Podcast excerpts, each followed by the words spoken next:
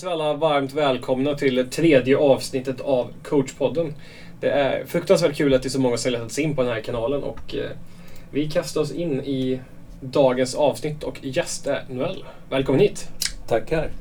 Eh, hur känns det att vara här? Ja, men det känns jättespännande. Kul att få bli inbjuden. Ja, men det ska bli kul avsnitt att spela in det här. Vi kastar oss Mm. rakt in i det. Så att Mm. fullständigt namn. Då är det Noel Alm Johansson. Ehm, ja, Alm efter att jag eh, blev gift. Annars så var det ju från början Noel Johansson. Ju. Ålder? Eh, fyller 50. Helt sjukt, men så är det. Vi gratulerar i förskott. Ja, tackar. Eh, bor? Bor eh, i Lövstalöt, någon mil utanför. En, eh, den, på gång att bli innebandymetropolen Lövstalöt. Ja, faktiskt så är det ju så. Det är ett helt gäng där nu. Eh, senast så flyttade ju Peter Blombergsson in på samma gata här som, som har hållit på med innebandy väldigt länge ibland. Vi ser även många yngre spelare med eh, Lövstalöt och lite Bälinge i moderklubbar som nu börjar ta sig fram i olika jaslag omkring. Så Ja. det, Ja, jättekul. Det, det, det är många som har gått den vägen och spelat till i Bärlinge och sen in mot stan. hur kom du i kontakt med innebandy? Ja, det är ju ett tag sedan nu. Eh, Egentligen så var det så att det var en eh, gymnasieklass på Ekebyskolan eh, och barndomskompisar utifrån Nomtuna som drog igång efter den här landbandy-eran. Och ja, det måste ju varit då 89 någon gång. Så det, det var Ekeby innebandyklubb som, som bildades där eh, utifrån en gymnasieklass. Så då, då började jag som målvakt spela där.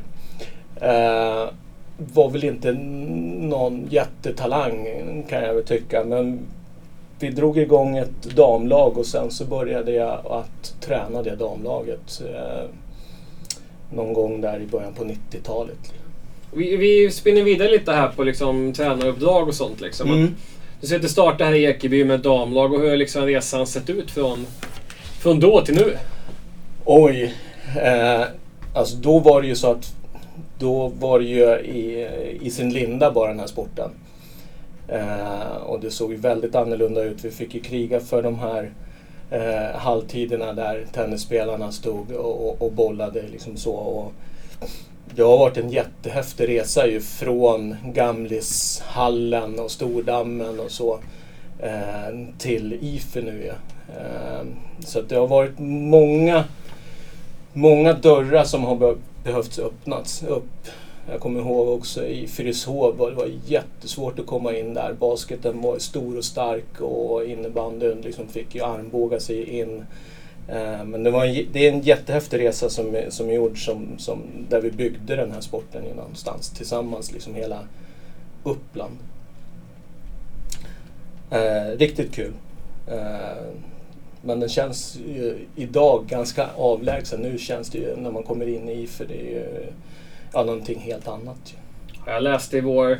Ju- det finns ju en historiesida om uppländsk innebandy som inte är Mm. fullt publicerad utan den kommer väl närmast åren här. Men Mm. en viktig händelse var ju när man köpte in första sargen till Gamlishallen. För att nu var ju målet liksom att det skulle bli Ja. innebandyns mecka uppe i Mm. Gamla Uppsala. Ja, nej, jag kommer ihåg eh, att vi hade ju träningar på fredagar i eh, Fyrishov, eller vad säger jag, inte Fyrishov utan Fyrisskolan. Eh, när vi byggde de här målen, innebandymålen med höjdhoppsställning och, och eh, ribban där. Så hittade vi något eh, badmintonnät som vi lindade runt liksom så och fick ihop det där. Och, och eh, jag vet att eh, Alunda, de byggde ju sin egen sarg eh, där ute. Då. Så att det, är det, det, det känns väldigt avlägset just nu. Ja, Det är, det är ju fantastiska anekdoter vi får höra här så att det tacksamt att komma upp i podden här.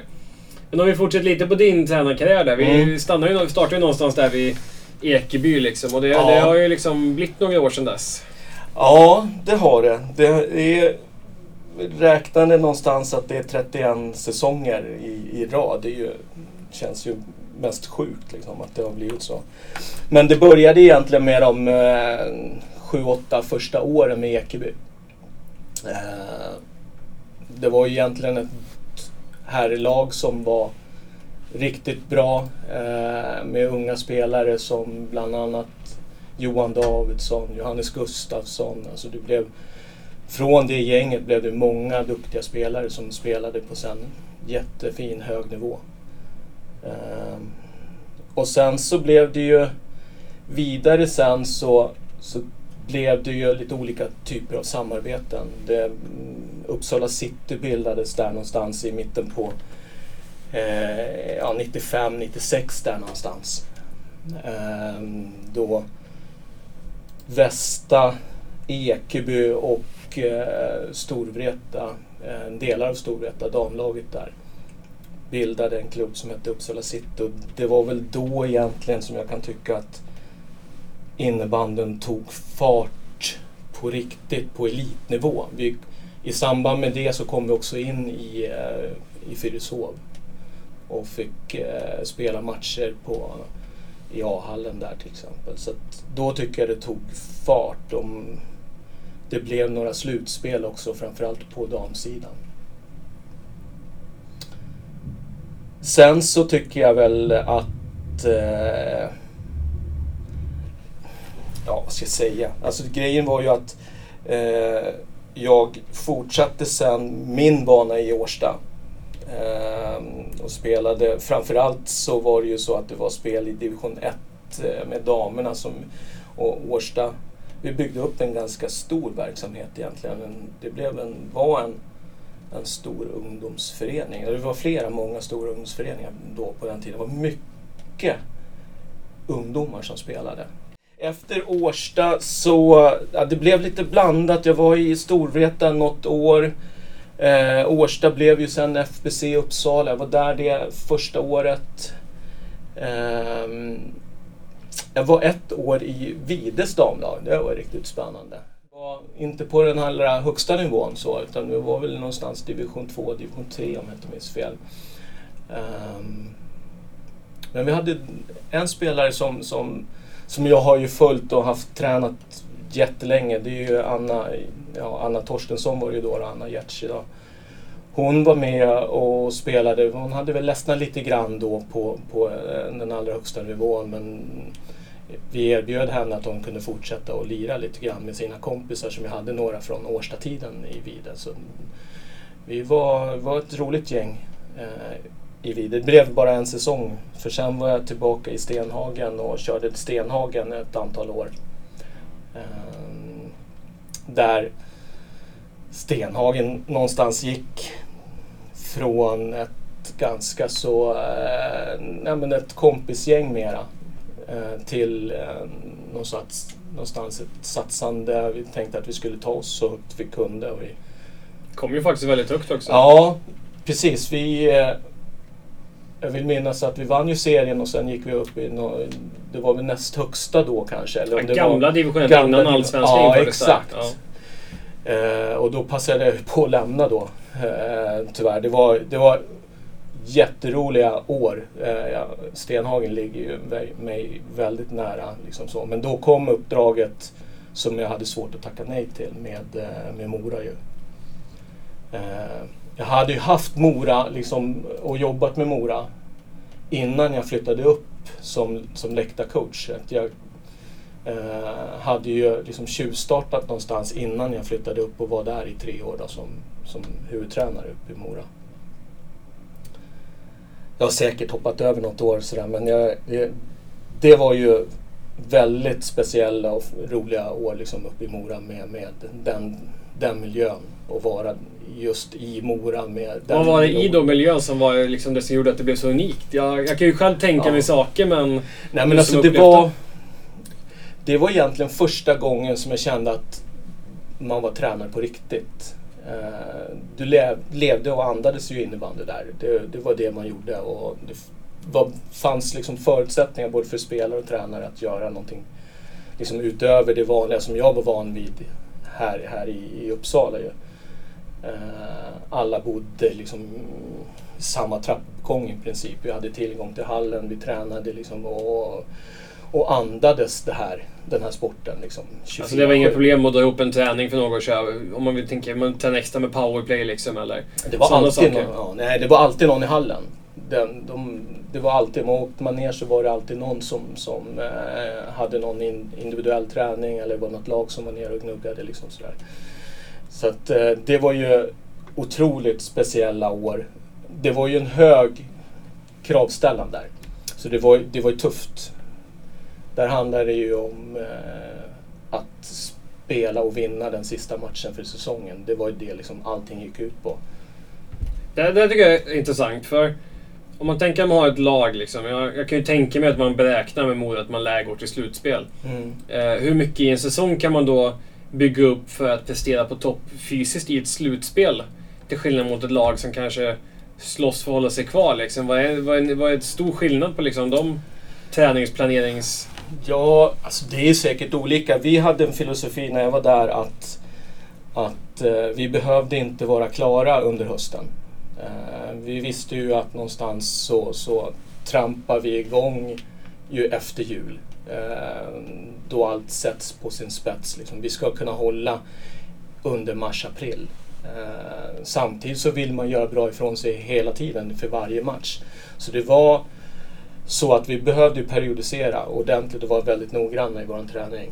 Eh, och många perioder under hösten var vi ordentligt nedtränade. Men ändå förlitade vi oss på liksom, eh, vår förmåga att ändå kunna vinna matcher. Och hade man då haft ett lag som kanske var nykomling och istället och måste det blir ju lite skillnad för jag tänker mig att de kanske måste vinna, vara mer på hugget under mm. hela säsongen. Ja. de måste, när det väl kommer till en jämn match, då måste man vara där liksom. De hade... Ja, så är det ju. Därför där är det ju så att jag tror att det är fler topplag som tänker lite grann att det, man, man, eh, visserligen vill man vara förberedd för, för varje match men ändå så, så mm, är du nykomling så eh, är det ju i princip de första fem omgångarna. Du måste ta poäng där för att liksom, sen blir lagen bättre och bättre. Eh, och man lär känna de nya, nya lagen som kommer. Så att, eh, skulle jag ha ett, ett lag som, som kommer upp första gången så då behöver man ju lägga upp försäsongen på ett helt annat sätt än vad vi gjorde för att spela den sista matchen. Ja, och det är lite spännande. Vi går tillbaka liksom till den här miljön. Liksom, att det finns ju säkerligen ett par unika spelare. Kan du nämna någon spelare som varit väldigt unikt i... Och det behöver ju inte vara att han gjorde massa mål eller att han var liksom grym med klubba boll, men någonting unikt liksom i att det fanns en tävlingsinstinkt eller någonting som var liksom och det grövsta. Alltså det är ju, det är ju lätt att säga Anna Wik. Eh, därför tittar man på henne så var det ju så att eh, så fort det blev tävling så, så, så var, fanns det ingenting annat än att, än att vinna. Och hon spred ju den kulturen. Det finns ju sådana typer av spelare som, som hela tiden vill, vill prestera sitt yttersta när det handlar om att tävla. Och hon ville tävla i, i princip allt. Eh, och det var ju många spelare som tog rygg på det. Eh, så att de spelarna vill man ju gärna ha i ett lag och bygga en, en kultur kring. Sen är det ju, tycker jag det finns andra spelare som, som visar och som kanske inte verbalt på samma sätt. Jag tänker på Tone Einstulen som jag hade i, eh, i Mora som i princip aldrig gjorde en, en, en liksom halvdan träning. Det var kvalitet hela tiden. Hon ville alltid göra så bra ifrån sig möjligt. Men hon visade, hon var inte så verbal och pratade, men när hon pratade liksom, då var det, kom det kloka saker ur henne. Och lite det här med att träna och träningar liksom och sånt där. Vi tänker, mm. man har en ambition att bli en spelare som är, spelar på en väldigt hög nivå. Vilka egenskaper tycker du är viktigt att man jobbar med då? Att bli bra tar tid. Så att man behöver man behöver vara väldigt tålmodig. Alltså det, det, det är träning, träning, träning det handlar om. Det, det är att lägga ner massa timmar på, på att bli bra. Sen så tror jag att eh, man behöver man behöver ju någonstans eh, man behöver lyssna och, och, och förstå att andra har erfarenhet. Ta till dig vad är det som, som, som eh, kan bygga mig som innebandyspelare. Och då behöver man också konsumera mycket innebandy. Du behöver se mycket innebandy. Du behöver liksom kolla på många matcher tycker jag. Då lär man sig väldigt mycket. Man behöver vara intresserad av sin sport. Och om man då istället tänker att man skulle vara en tränare i liknande situation, att man kanske är tidigt i sin tränarkarriär tänker att man vill nå liksom, till den här högsta nivån och liksom Mm. ta det steget som ledare istället. Hur, vad, vilka egenskaper skulle du vilja tycka att man ska jobba med då? Då tycker jag att man ska se till att det är spelaren som har tränarkarriär, eller som har karriären. Att du, du som tränare, du får din tränarkarriär på köpet någonstans. Det, Så genom att göra ett bra jobb med dina spelare så kommer liksom Ja. automatik. Ja, jag tror det. Det är det som... Du är till för spelarna. Eh, ska du börja göra liksom att du lägger din och ju- gör olika saker för att du ska, du ska ta nästa steg som tränare, då tror jag att eh, lätt att fokus kan hamna på, på dig själv och du jagar saker och, och istället tappar någonstans eh, där du bygger din egen grundfilosofi, liksom, hur du ska hjälpa din spelare eller ditt lag. Så ta Det, hjälp. det, det är och- jätteintressant. Så nyckeln blir liksom egentligen att aldrig liksom tappa bort vad är uppdraget som tränare. Utan att... Nej, jag har aldrig sett, sett tränare som, och, och att, man har, att det är en karriär. Så. Jag tänker, har aldrig tänkt riktigt på det sättet. Utan det är, jag tror att det är bättre att, att det är spelaren. Gör, var där för att få spelarna eh, till att bli så bra som möjligt och att de får sin karriär. Liksom så. Det är det som vi är till för någonstans. Bygga lag och bygga spelare. Och det, det märks ju liksom, du, du brinner ju verkligen för en innebandy liksom, har gjort det i ganska lång tid. Vad var det som gjorde att du fastnade för innebandy? Och för just sporten? Ja. Ja, det var nog för att jag var dålig på allt annat. Nej, men ja, gre grejen är väl egentligen att jag kommer från brottning från början. Eh, så brottning kan jag egentligen mer, eller bättre, skulle jag nog påstå. Eh, om jag liksom jämför det med innebandyn så. Eh, det är någon, en sport som jag utövat själv så. Men innebandyn gav mig tillfälle att, att bli ledare tror jag. Eh, så jag hade väl kanske kunnat blivit ledare i, i bowling kanske, jag har ingen aning. Men, men eh, innebandyn lockade därför det var en lagidrott. Eh, det gick att lära sig ledarskapet i den här idrotten, tycker jag på ett bra sätt. Så att, eh, och sen så har det blivit roligare och roligare. Man har jobbat med eh, otroligt mycket spelare känns det som. Mm, så, och, och nu börjar man ju träna de, alltså andra generationen. Liksom, Ja, så. precis. Det- Barnen till spelaren ja, du har. Ja, så det, ja, och då börjar man ju fatta att man har hållit på kanske lite för länge. Nej, men innebandyn tycker jag har ju allt. Den har den här äh, farten. Den, det som jag gillar med är ju att det är äh, hög frekvens på vad gäller bolltouch. Du, alla spelarna är involverade. Liksom. Det, eh, ja, men jag har tittat lite på avstånd och varit ledare i någon säsong i fotboll och jag tycker att det är för, lite, lite, det är för liten intensitet.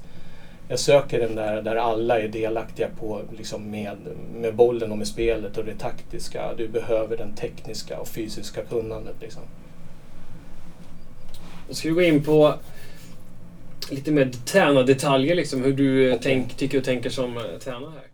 I en utopi, hur skulle upp, Ja. optimala försvarsspelet se ut?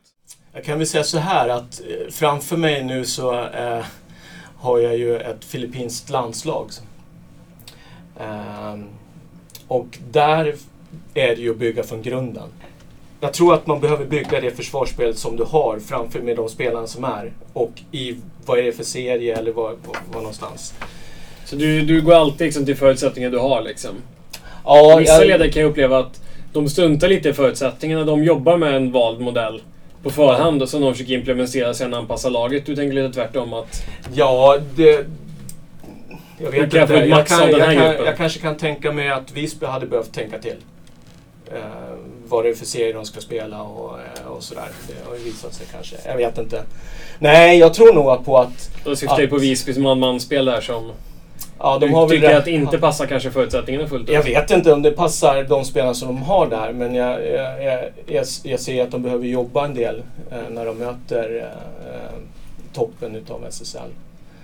Eh, men sen så eh, är det ju också så att man vill jobba långsiktigt. Men, men när det gäller de serierna så handlar det ju om att överleva som en nykomling såklart och vinna matcher i början. Men eh, nej, jag tror ju väl att man behöver se på, på vad det är för miljö man är i. Först och främst. Sen kan man bygga. Sen är det ju såklart rätt skönt att ha erfarenhet av okej, det här fungerar i den här miljön, det här fungerar. Och sen vill man utveckla liksom, spelarna såklart i det.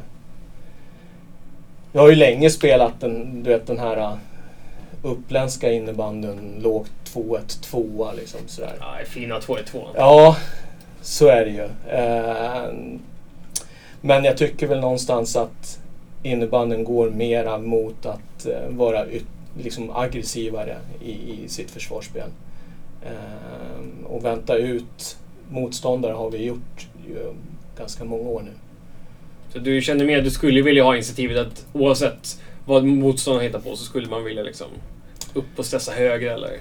Ja, men jag skulle vilja att spelarna blir, blir eh, mer aggressiva i, i en mot en eh, och duellspelet. Både liksom att våga utmana med boll och sen också våga, våga sätta press eh, en mot en på, på, ett, på ett sätt utan att det behöver liksom bli en sorts man-man. Utan att eh, det måste nog vara liksom lite mera understöd också. Eh, sen är det ju lite siffror hit och dit om man ska spela. Liksom, man har ju mött alla möjliga varianter i, i, i uppstä- positioner, liksom uppställningar med 1-2-2 och 2-2-1. Och, eh, nu kör vi ju i, i, i Storvreta ett W till exempel som, eh, som eh, är någon sorts mellanting ju.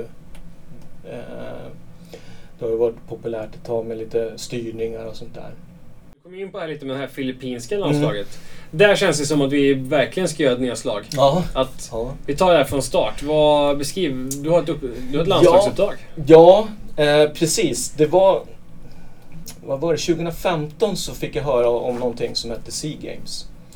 Eh, och jag har alltid tänkt sådär, tänk om innebandyn... Jag har ett ursprung från Filippinerna, jag är adopterad. Kom hit när jag var sex veckor sådär. Och har tänkt att jäklar, det vore kul att ha ett, eh, någonting, ett uppdrag liksom för Filippinerna.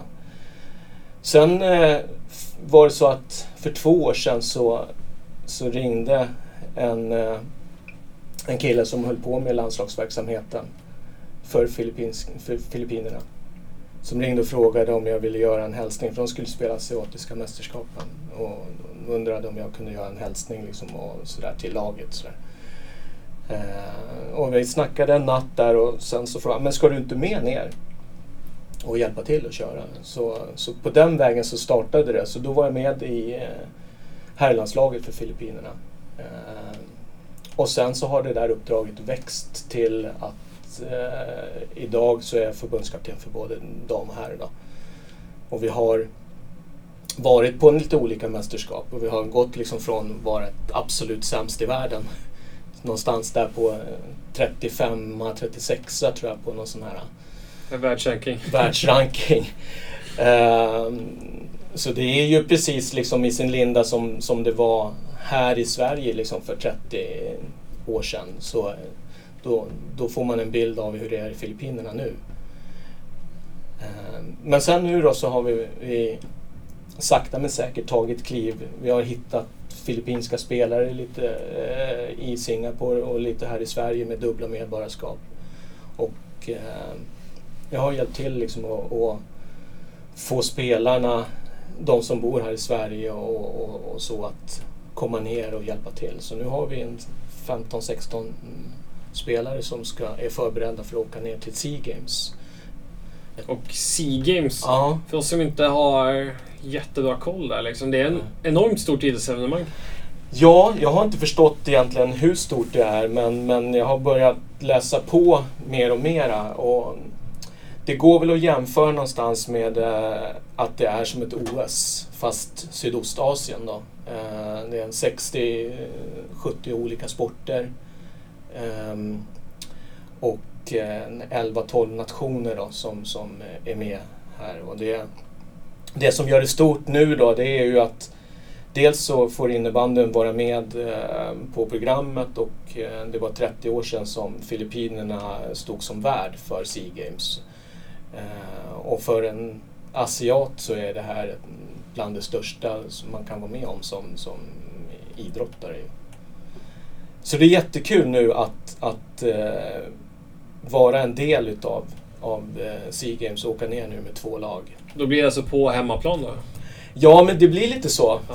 för en. Jag trodde inte det var första gången som jag stod där och man hörde eh, den filippinska nationalsången så jag, jag, jag kände någonstans att det här är ju på riktigt stort och, och riktigt häftigt också att innebanden gjorde det möjligt att jag fick göra det här för Filippinerna.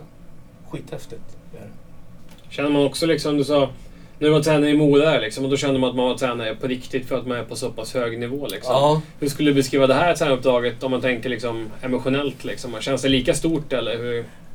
Det är svårt att jämföra men, men det känns lika viktigt. Eh, så. Det, det är, alltså uppdraget i Mora eh, och uppdraget nu som jag har i Storvreta. Alltså, jag har svårt att jämföra men det, det, alla de här uppdragen är på något sätt lika viktiga. Sen så, det uppdraget som är i Filippinerna, det är ju viktigt på det sättet att eh, ja, men det är hela Asien där så händer det väldigt mycket. Eh, så. Eh, I Filippinerna finns det en sarg och då känns det viktigt att jag kan vara med och bidra till att nästa sarg kommer dit. Liksom så. Och då behövs det bra resultat i Sea Games till exempel. Så att, eh, landet eh, som, som, som styr, eller ja, eh, förbundet där får möjligheten att kunna eh, utveckla sporten. Och då krävs det eh, dels framgångar rent resultatmässigt och att eh, vi härifrån, från Sverige, Finland och eh, övriga stora nationer kan liksom hjälpa till nere i Asien det, det känns jätteviktigt. Det känns ju som ett, också ett steg mot OS-status ju. Det finns även lite fler Uppsala-bekantingar som är verksamma kring eh, ja, Filippinerna. Ja, det är ju precis. När man ska göra sånt här uppdrag så vill man ju eh, ta hjälp utav, av de som man har jobbat med tidigare och har stort förtroende för. Så att Håkan Ferngren är ju en del utav eh, damlandslaget eh, och eh, Fredrik Nybeck också Eh, är en del utav eh, landslagsverksamheten. Så det, vi tre åker ner. Sen är det eh, Uppsala bekanting Matilda Engroth eh, hjälper oss med målvakterna som har varit med också ett par mästerskap här nu. Eh, så det är väl vi där på, på ledarsidan. Och sen så är det ju två spelare som jag Ja, de har som moderklubb vad jag förstår eh, Storvreta eh, som, som junior i Storvreta. Jag tror att någon av dem spelade väl kanske med eh, Henke Stenberg, de här duktiga 90 90-talisterna, eller ja, som var födda 90 där. Eh, det är ju eh, Brassel Alido och Kristoffer eh, Holland som också följer med och som har dubbla medborgarskap tänker också att det är viktigt att resan dit blir väl liksom några timmar. Så det kan vara med fint ja. resesällskap också. Ja, exakt. Om man med sig Färntan eh, så... så um, nu för sig så är han ju livrädd för att flyga så vi får väl se då hur, hur det går för honom om han sitter där tyst i, på en stol. Men, men eh, nej, men det, är ju, det blir ju det är kul att ha, ha med dem. Vad är för dig en bra innebandyövning? Att, att det finns ett syfte först och främst. Det, det känns ju som att ibland så kanske det inte finns något syfte och då är det syftet. Bara för att komma igång kanske med en bolltouch eller så. Eh, men annars så gillar jag ju övningar som någonstans har en förankring till det vad jag vill, hur, jag, hur vi vill spela. Det är liksom överföringsbart till det vi ska göra på match? Ja, men att, att spelarna fattar att okej, okay, det här är någonting som, som ska plockas med och som vi ska kunna jobba vidare med i, i spelet. Eh, så, så att det, det kan vara taget ur, ur, ur ett sammanhang så, så vi drillar vi det liksom så. Men, eh, så det är väl övningar som, så som man vill titta på. Tänker så att det en träning liksom att allt ska vara överförings till match eller skulle du kunna isolera något moment? Att nu ska vi bara träna på att slå en passning eller hur? Skulle du vilja bygga in den i ett sammanhang där det även sker en liknande matchsekvens? Ja. Alltså när man jobbar med framförallt damerna så vill ju, eller med damspelare så då vill de ju förstå varför. Eh, och då kanske det är så att då får man lyfta ut övningen och, men först visa sammanhanget. Eh, någonstans. Att det är det här som vi gör och då isolerar vi den där delen i övningen. Så kan det ju vara. Eh, och det är någonstans där som, som jag börjar jobba med en ny övning om det skulle vara. Utan att hitta liksom, okej okay, det här behöver förbättras eller det här behöver förstärkas i, i vårt spel. Eh, men jag skulle alltid liksom ha, göra en övning så att eh,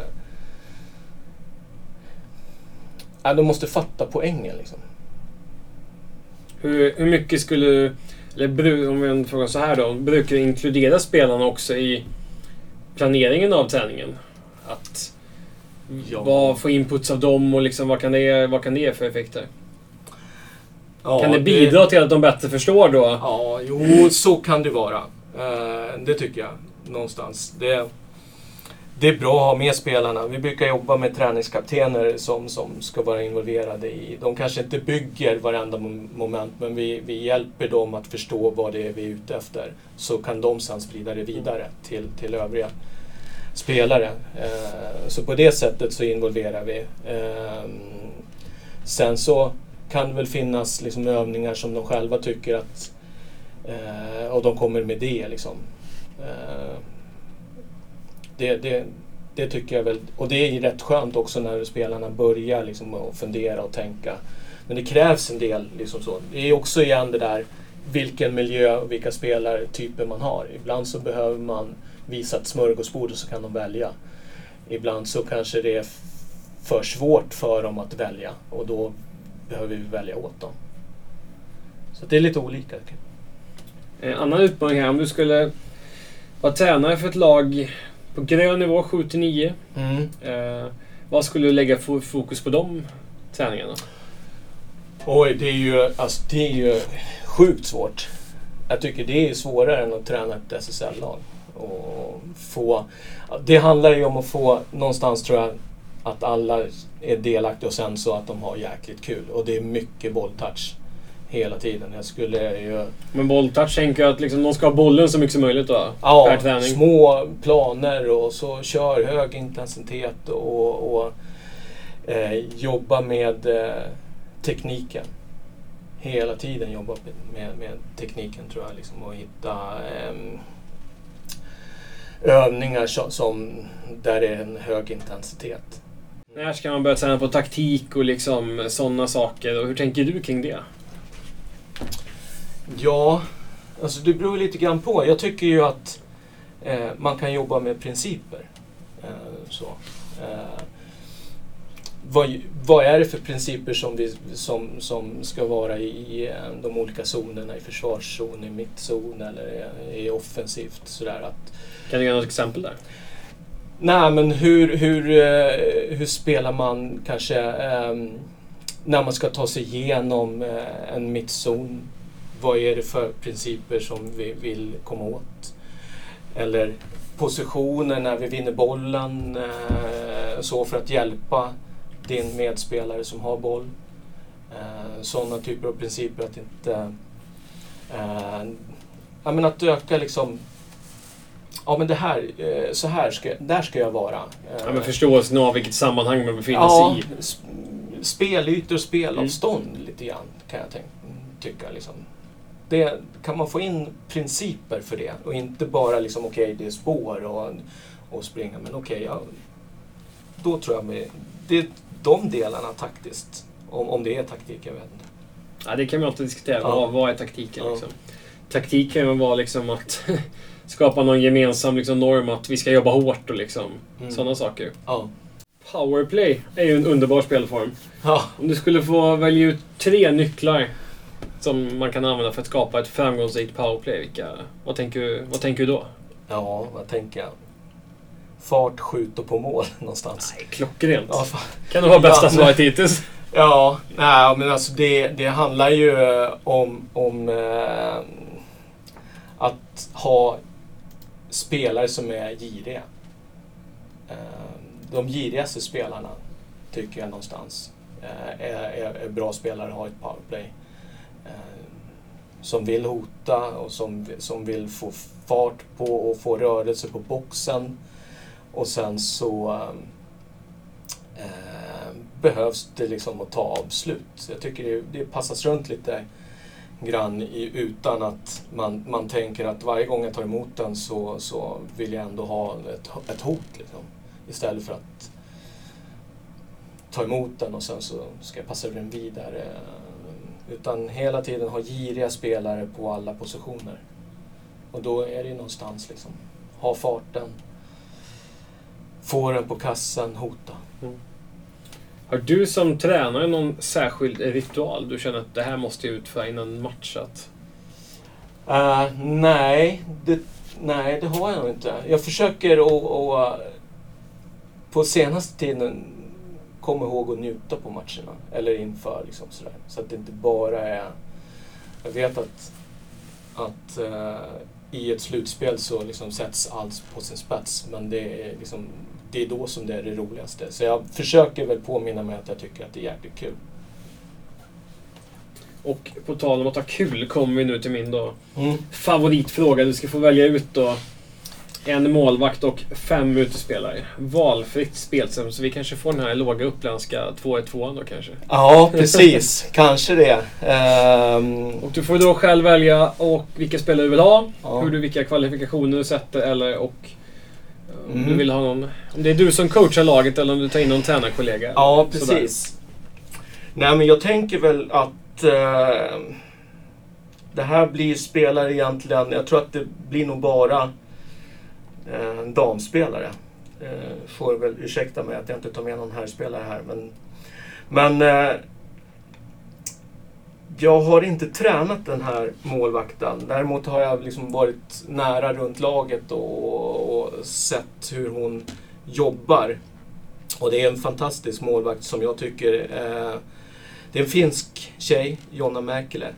Eh, och jag har nog aldrig sett en, en målvakt som är så pass lugn och aggressiv och, och jobbar med små rörelser och otroligt fokuserad. Nej, vi måste ju bara kasta in en anekdot där. Nu kan det vara så att jag Ja. går på djupt vatten här. Men var det inte hon som skadade sig i någon SM-final? Det var en ganska rejäl skada men Mm. ändå slutförde matchen. Ja, det var ju 2015. Eh, SM-finalen mot Rönnby. Eh, där hon ju... Jag vet inte, hon blev ju nästan överkörd av sin egen spelare tror jag det var. Eh, Det var olyckligt framför Ja, det var, liksom. ja precis. Mm. Det blev- en situation där hon fick otroliga smärtor i, i foten. Och vi... Eh, ja, jag trodde, jag var ju läktarcoach då, jag tänkte det där kommer att sluta illa liksom så. Och hon kunde inte stödja på benet. Hon, vi det var ju i, i periodpausen där så jag var där nere i omklädningsrummet då eh, för Roger hade media och jag tittade bara på det. Kommer hon att köra? Men det, hon sa det, det, det, jag kommer aldrig att kliva av. Finns inte, finns inte i hennes värld att hon skulle liksom missa det här och köra liksom, eh, och ställa sig på sidan. Så att, eh, Ja, jag vet inte om hon ens kunde stödja på den resten. Jag tror det var ju två perioder kvar. Ja, Det är en imponerande, Ja, det var helt sjukt. imponerande Ja, det var bedrift. helt sjukt att se. Hon var ju dessutom ganska vass resten av matchen. Ja, dessutom hade hon en axelskada som mörkades under hela slutspelet, så hon kunde inte kasta heller. Liksom så. Ja, det är en profil värd att nämna många Ja. gånger. Jättehäftig tjej. Och framför henne, vad, vad har du för lag då? Ja, då är det ju så att eh, jag har ett backpar. Eh, den första är en tjej som, som jag hade i Mora eh, och som har slutat nu här. Hon har haft en jättefin, lång, fin karriär. Som är, det är Elin Reinestrand. Otroligt ambitiös. Eh, väldigt coachable. Liksom. Eh, och eh, ja, en väldigt duktig spelare på planen också. Ehm, en duktig ledare. Ett föredöme för de unga spelarna liksom, och tog hand om många som kom nya till, till Mora. Ehm, den, nej, hon, hon tycker jag ska vara med i den här femman. Jag fastnar ett ord där, coachable. Ja, alltså hon... eh, Ja, precis. Alltså hon... eh, Jag tycker hon var otroligt spelsmart. Eh, Men tänker du att det var lätt för dig som tränare att ge henne instruktioner? Ja. Hon kunde liksom direkt då Yes. anamma sig och liksom Ja. se samband och... Det var absolut... eh, Mm. Elin Reinestrand eh, som högerback då. Sedan så, vänsterback jag har funderat lite grann men det landar ändå i, i Moa Köp. En väldigt, eh, en kanontjej, väldigt speciell tjej. Eh, tycker jag, som också kräver väldigt mycket. Liksom. Det ska vara hög kvalitet runt om. Hon kräver det utav sina spelare. Eh, och sen så gör ju hon de stora matcherna. Gör ju hon, det är de matcherna hon gör absolut bäst. Hon är ju ingen spelare kan jag tycka ibland i, för serielunken. Liksom så. Där eh, kan hon ju prestera både högt och lågt ibland. Men när det, när det börjar brännas, liksom så, då vill man ha Moa Köpp i sitt lag. Ehm, Det är också en väldigt viktig egenskap att kunna, kunna växla upp när det väl gäller. Liksom, att ja, så är det. ve- veta när man ska ta sina fighter. Ja. Nej, det är en, en krävande spelare som, som ehm, vinner matcher åt sitt lag. Eh, sen så kan man inte ha en femma om man, eh, om man ska ta ut damspelare utan Anna Wik såklart. Så känns det ju. Eh, Anna Wik, ja alltså man har ju hyllat henne jämt ju när hon spelar och, och, och det är på det sättet också. Det är otroligt häftigt att vara nära henne, hur hon tar sig an matcherna. Eh, och ehm, hennes fantastiska blick för spelet, liksom, hennes touch. Um, skulle vara intressant att se henne någonstans i här SSL egentligen. Lägger hon ner nu så, uh, om hon kör sista året i Kais, då det skulle vara kul att se henne i vad hon skulle kunna lyckas med, med den farten som herrarna har ju. Och ändå hennes blick. Det skulle vara häftigt. Nej, Det skulle vara ett eh, fantastiskt experiment att få, Ja, få till. ja. Vi får kolla om vi kan ordna det kanske. Ja, exakt. Så att eh, hon är klar, eh, om hon blir klar med, med, med, eh, med, med Mora, jag vet inte, hon kanske fortsätter. Så, men det skulle vara kul att se henne i en sån miljö. Jag vet inte om det blir tillfälle för det. Men. Eh, sen är det väl uppländsk touch då på vänsterkanten. Eh, jag har inte haft så mycket med henne att göra mer än distriktslaget. Eh, när vi spelade i, för Uppland. Eh, men annars så är det ju eh, Amanda, DJ Delgado. Eh, jag såg ju henne när hon liksom började där någonstans och spelade med killarna så jag tänkte det här är, kommer bli något extra. Hagen har 95 er Ja, exakt. Eh, så, så det var några säsonger där man väntade, när kommer hon att kliva över och, och på damsidan och hur kommer det se ut då? Liksom? Eh, och jag tycker hon, det är en häftig spelare och det skulle vara intressant också att se samarbetet där. Liksom, med Vik och, och, och, de övriga i femman. Eh, sen Sista då, högerforwarden. Eh, Emelie Lindström har jag, har jag där.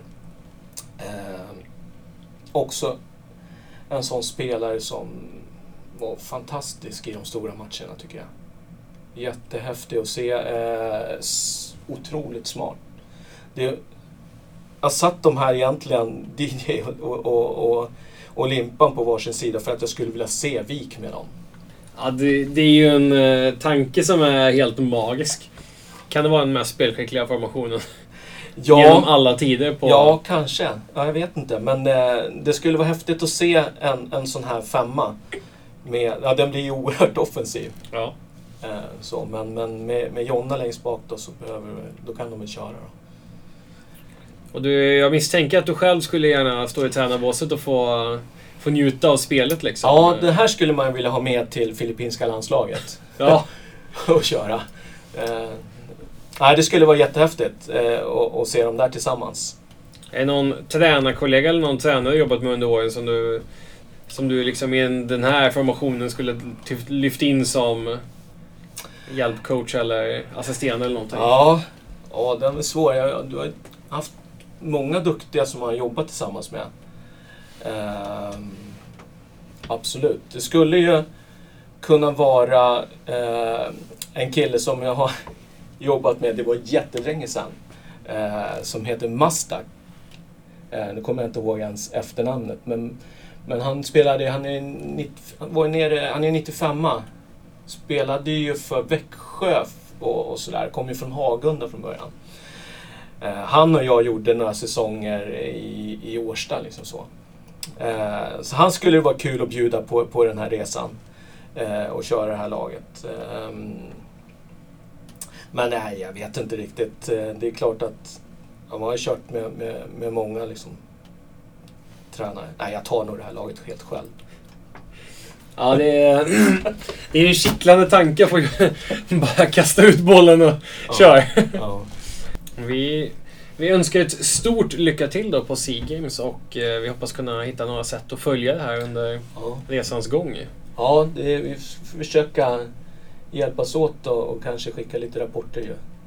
Så att det, ja, det ska bli jättespännande. Mm. Och vi säger också ett stort tack för att du valde att vara med i coachpodden. Ja, tack. Det var kanonkul.